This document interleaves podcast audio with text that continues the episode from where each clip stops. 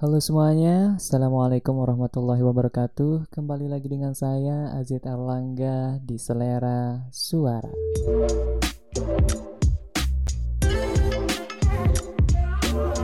Bagaimana kabar kawan-kawan semua hari ini? Tentunya masih sehat-sehat aja kan ya Apalagi kalau dalam masa pandemi ini Apabila kalian sakit ya kalian akan menerima cibiran-cibiran dari orang-orang di sekitar kalian Dan tentunya tetap jaga kesehatan ya Jadi di episode kali ini kita akan ngebahas terkait dengan salah satu hal yang didampakkan oleh COVID-19 yaitu tempat wisata karena dari beberapa episode sebelumnya saya pernah ngebahas terkait dengan beberapa perjalanan saya menuju ke lokasi-lokasi wisata yang ada di Lombok dan akan berlanjut gitu loh.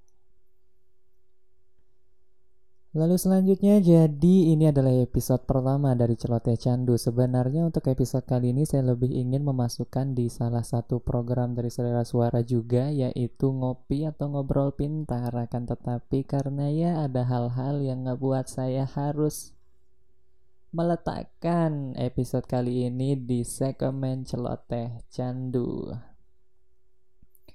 Jadi untuk celeteh candu pada hari ini kita akan ngebahas terkait dengan COVID-19 Cerita dan duka penggembala wisata jadi bagi teman-teman yang belum tahu terkait dengan kondisi dari pariwisata yang ada di sekitar kita, tapi mungkin ini hanya gambaran buat kalian ya, karena saya hanya mengambil salah satu sisi saja gitu, sisi yang berada di dekat rumah saya, yaitu Pantai Ampenan di mana untuk ke depannya kita akan berdiskusi begitu saya akan berceloteh manja kepada kawan-kawan semua terkait dengan kondisi pariwisata dan saya pun telah mendapat kesempatan untuk berwawancara dengan salah satu pedagang senior di sana yaitu Ibu Heni.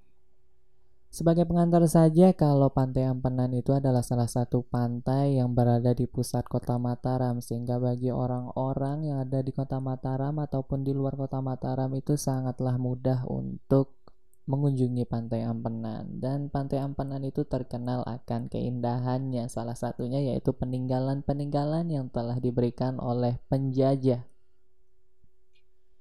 karena Pantai Ampanan ini dikatakan sebagai kota tua, tentunya ada banyak sekali bangunan-bangunan yang bisa kita jadikan spot untuk berfoto-foto ria gitu sebagai bahan pencitraan kita kalau kita sudah ke Pantai Ampanan. Lalu yang kedua katanya Dulu di Pantai Ampenan digunakan sebagai pelabuhan, di mana pelabuhan itu ya tempat pusatnya bagi perniagaan dan juga bagi mereka yang ingin traveler keluar maupun ke dalam dan bagi mereka yang ingin menuju ke kota Mekah tentunya harus melewati Pantai Ampenan atau pelabuhan Ampenan.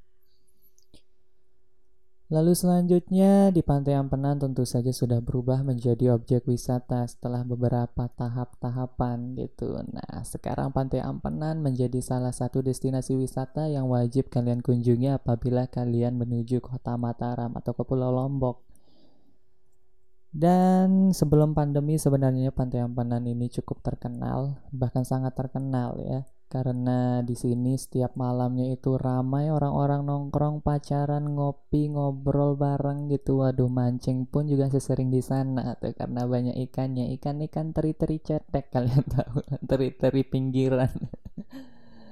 Dan ya karena rasa penasaran saya dan juga rasa keinginan saya untuk ngopi di sana uh, kalau tidak salah itu kemarin atau lusa itu saya sebetulnya sempat pergi ke Pantai Ampenan untuk ngopi niatnya ngopi santai. Tapi tentunya apabila kita ingin pergi keluar untuk bersantai hal yang harus kita perhatikan yaitu kondisi tubuh kita ya bagi kalian yang mungkin kondisi tubuhnya kurang fit atau kurang baik ya lebih baik diurungkan lah niat kalian untuk pergi bersantai ke beberapa tempat gitu karena itu akan membahayakan kondisi kalian khususnya dari infeksi virus corona.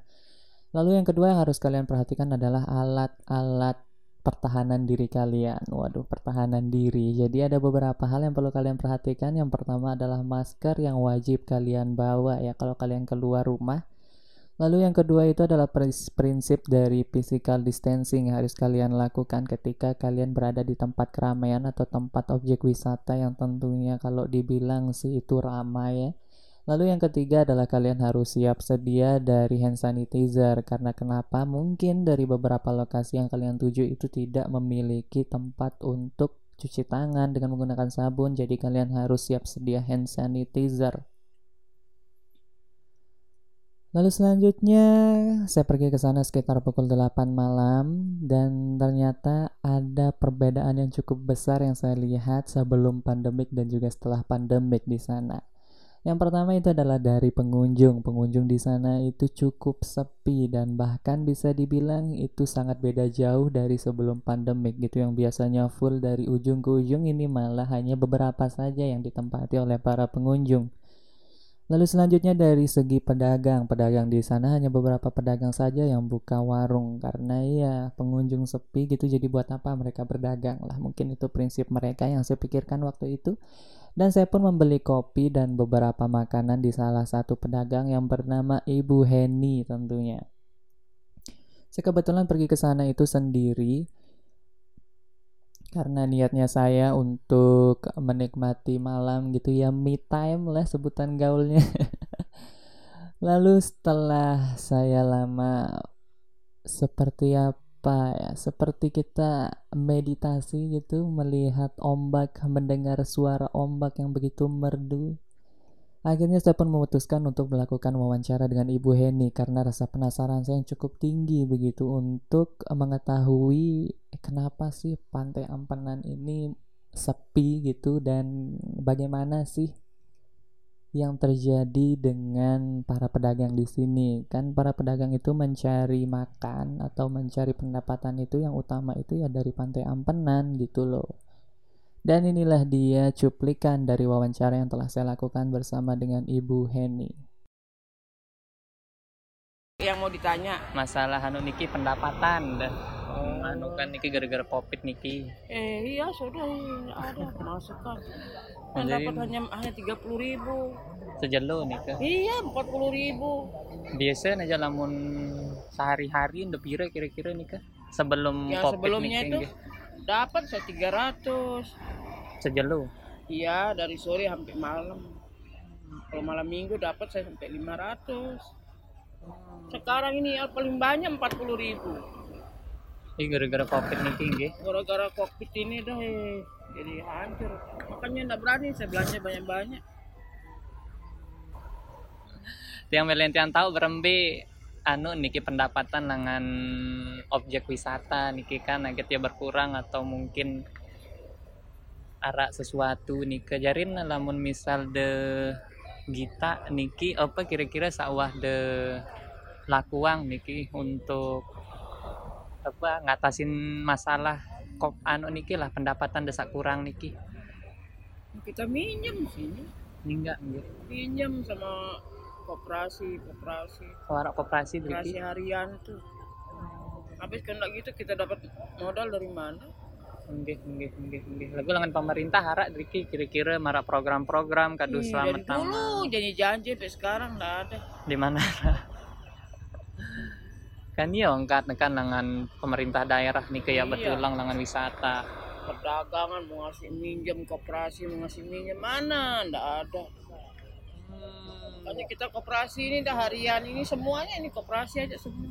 Hmm. Ini udah jam segini pada nutup rumah sepi. Kira-kira malam napi doang Driki terus rame lah misal malam masalah minggu. covid. Iya rame nih King. Bumen kemarin malam minggu dapat saya karobelan karobelan saya biasa telur ratus. Yang biasa. Oh kalau malam minggu dapat enam ratus oh, lima ratus. Sejelo nih kan iya yang sebelum covid. Tapi sekarang lihat mana ada orang datang? Porsi aja yang banyak. Sida buka biasa langan sore atau langan sore saya buka dari jam sore. 3 itu. Yang ke jam pira nih sampai jam 10 yang ke jam 10 mungkin. Aku nih kira kira-kira marah pemberitahuan dengan gugus tugas nih untuk pakai masker atau bagi yang masker berarti Dara kita sendiri sendiri kita sendiri.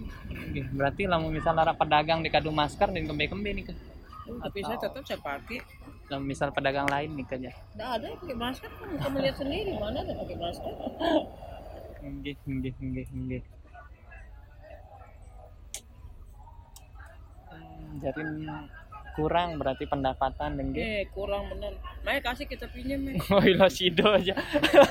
Itu baik nih kita jaga kesusahan saya kira mau dikasih pinjam. Lihat itu aja ya.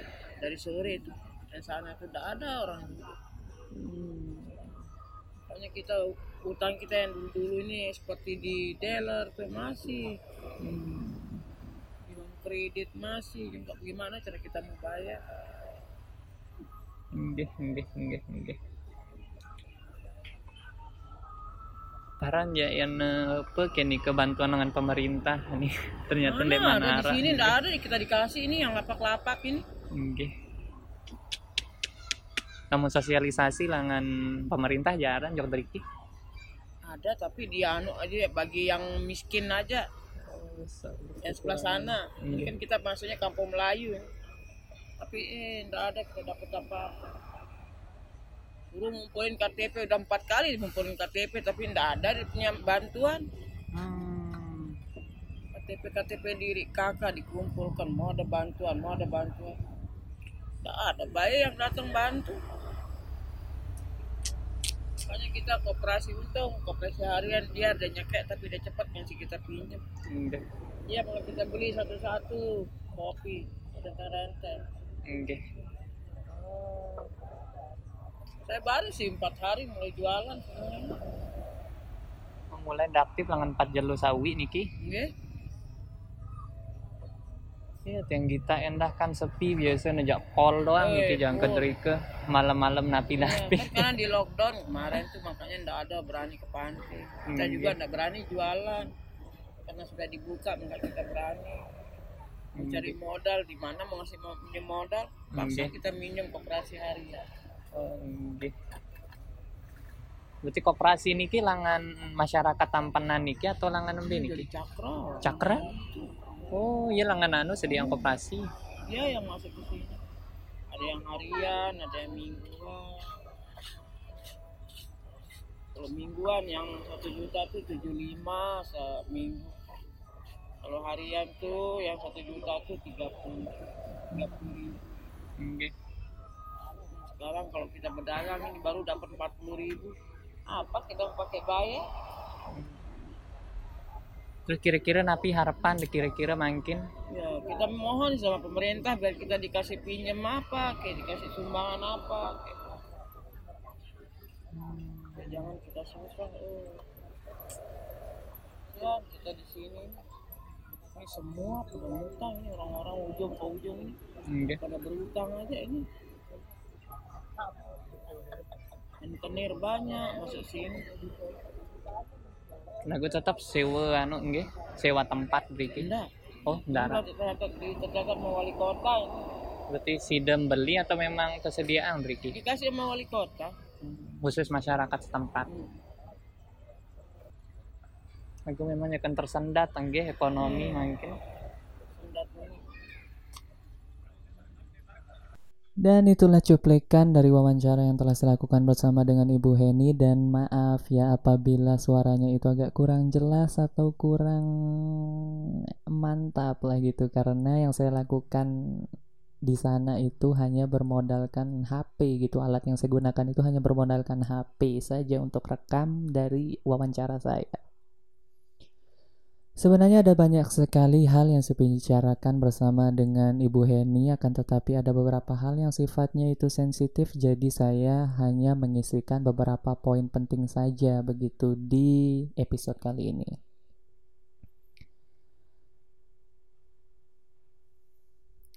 Lalu selanjutnya dari hasil wawancara tersebut tentunya teman-teman sudah memiliki gambaran atau memiliki cuplikan sedikit lah gitu tentang kondisi pariwisata yang ada di sekitar kita tentunya dan mungkin bagi kalian yang rumahnya berada di sekitar lokasi wisata pasti juga merasakan hal yang sama ya. Atau ya mungkin kalian mempunyai ide-ide kreatif gitu untuk membangun wisata kalian sendiri di dalam masa pandemik ini tentunya. Dari hasil wawancara tersebut, saya pun mengambil beberapa poin penting yang bisa saya simpulkan. Yang pertama itu adalah terkait dengan kondisi pedagang di sana, karena pedagang di sana dapat dikatakan rugi besar, begitulah.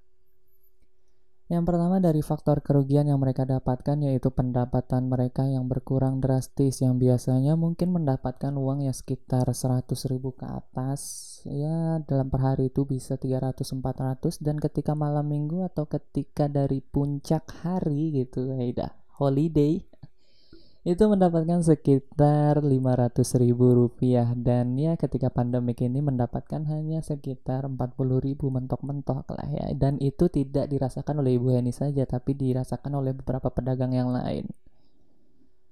Lalu yang kedua itu terkait dengan kondisi kesehatan di sana. Dari yang saya lihat beberapa pedagang di sana ya sehat-sehat saja kan. Tetapi salah satu catatan yang saya lihat yaitu adalah penggunaan masker mereka itu masih jarang sekali penggunaan maskernya begitu. Karena saya juga tidak paham apakah mereka tidak memiliki masker atau kesadaran mereka itu kurang akan tetapi ya saya berharapnya akan ada sosialisasi di sana untuk memberikan mereka edukasi tentang pentingnya memakai masker, apalagi ini kan kondisinya mereka di tempat yang istilahnya banyak dikunjungi oleh para wisatawan, meskipun sedikit tapi ya ada aja lah gitu yang berkunjung di sana. Dan kita tidak tahu apakah mereka itu terkena dari virus corona atau tidak begitu. Apalagi kan penggunaan masker itu dapat berfungsi untuk tidak tertular dan juga tidak menularkan gitulah intinya. Lalu yang ketiga yaitu terkait dengan bantuan dari pemerintah.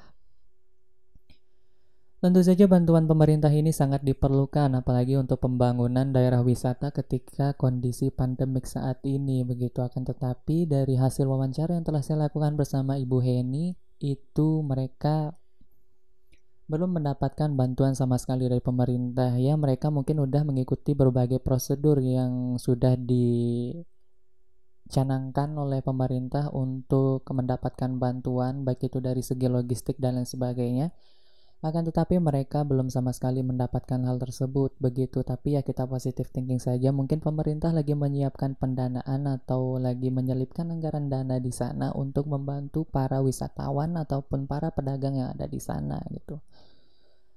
Lalu selanjutnya kita jangan sampai saling menyalahkan ya, jangan sampai kita menyalahkan pemerintah begitu ya bla bla bla bla begitu karena kondisi kita saat ini sama dan pemerintah juga tidak mengerjakan satu hal saja. Mereka banyak sekali beban-beban pikiran yang harus mereka lakukan. Jadi kita bersabar saja dan positive thinking begitu.